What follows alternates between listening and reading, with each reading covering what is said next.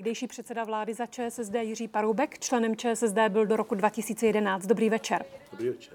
Soucítíte s Andrejem Babišem? Byl jste v podobné situaci, protože přes mandáty zatím hnutí ANO vede, ale nemá s kým vládnout. Tak soucítím nebo nesoucítím. Prostě je to změna, je potřeba tu tak jsou to, jsou to fakta. Já si na rozdíl od Andreje Babiše myslím, že tehdy jsem byl situaci, která měla určité východisko, pokud bych začal jednat s věcmi veřejnými, nabídl jim třeba šest, šest ministerstev, no tak byli moji, že jo? ale já jsem zase z dlouhodobého hlediska, já jsem věděl, že by to byl konec pro sociální demokracii,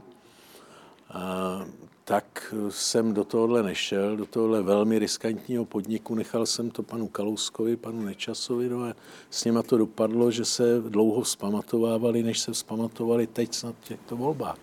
Řekl byste tedy, že jste tenkrát krátkodobý prospěch obětoval tomu dlouhodobějšímu, protože pokud by to tak bylo, tak eh, to nevyšlo. ČSSD dneska nezúračila, to nedostala se do poslanecké sněmovny. No, tak já, jsem, já nemůžu za tu generaci sociální demokracie, těch lídrů, jako je Sobotka, kteří, kteří tu stranu převzali a kteří, kteří připravili o důvěryhodnost a přivedli ji vlastně až k téhleté trapné volební porážce. Je trapná?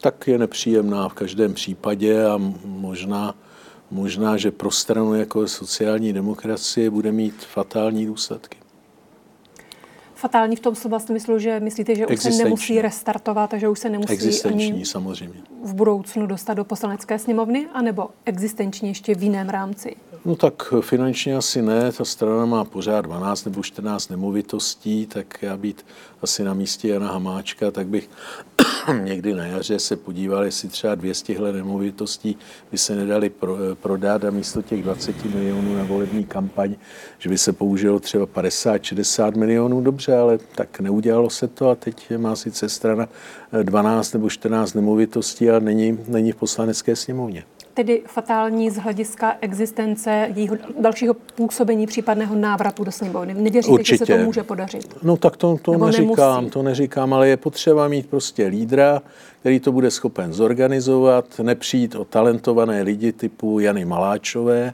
Nezavrhoval bych ani Jana, Malá, Jana Hamáčka, protože to si myslím, že je člověk, který odvedl kus práce ve složité době, Eh, to, že se mu nakonec eh, tohle nepodařilo, tak prostě každý ten člověk má svůj nějakou cenu.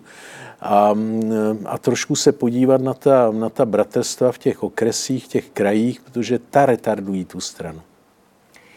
Jaká bratrstva to jsou a čím retardují tu stranu, podle vás? Tak protože ta strana mají? přestala být propustná, Eh, to znamená, eh, do strany nepřicházejí noví lidé, talentovaní lidé, protože tihle lidé je prostě nikam nepustí. Takže eh, to je takový antivýběr kádrů, nebo opak přirozeného výběru kádrů. Je to nepřirozený výběr, prostě někdy, někdy platí, že lojální a hloupí dopředu a ti, co jsou, co jsou chytří, a schopní, no tak se neprosadí. A to je politika těch posledních deseti let. Když se ještě vrátím k Andreji Babišovi, pak se dostaneme dále v otázce budoucnosti ČSSD. Vás tady to Pirhovo vítězství dostihlo v roce 2010. Volby jste vyhrál poměrně s velkým odstupem, měl jste 24% tenkrát? Ne, ne, bylo to 22 ku 20, 22%, uh-huh. ale bylo to vítězství, bylo to vítězství a slušné vítězství. Bylo to slušné vítězství, ale nebyl jste schopen sestavit vládu a v zápětí Nebyl jste jsem hlavně ochoten. Takže ne schopen, nechtěl ale jsem, Nechtěl ochoten. jsem vůbec jednat s věcmi veřejnými, protože prostě já mám svoji představu o politice, ta představa, ačkoliv to nevypadá, tak je v zásadě idealistická a z dlouhodobého hlediska jsem věděl, že by to pro sociální demokracii bylo sebevražda. Tak mi řekněte, co tohle udělá s politikem? Jak dlouho jste se s tím srovnával? Myslím teď na to, co třeba v téhle rovině čeká Andreje Babiše. Tak já myslím, že Andrej Babiš má, má také jiné možnosti, jak si kompenzovat no, ale nerad eh, prohrává. jeden, jeden neúspěch. No tak život není jenom o, o úspěších, je také o prohrách a Andrej Babiš určitě zaznamenal v životě, nebo víme, že zaznamenal v životě také prohry. Dobře, a, a vás tenkrát vzalo to? No tak víte, já už si to ani nějak nepamatuju, abych vám pravdu řekl. Mám jiný, jiný život a samozřejmě, že politika mě zajímá, baví, když by bylo potřeba, tak rád pomůžu s věcmi, ale nevidím to zas tak fatálně a skutečně mám i zájmů a, a Andrej Babiš má taky x zájmů. Dobře, když říkáte, že byste byl ochoten pomoci, byl byste ochoten vrátit se do ČSSD, kdyby byl zájem? Tak já už jsem to řekl jedné vaší kolegyni dneska, že... Po... Tady je Martin Veselovský. Chci vám poděkovat, že posloucháte naše rozhovory. Jestli chcete slyšet celý podcast, najdete ho na webu dvtv.cz. Tam nás můžete i podpořit a stát se členy DVTV Extra.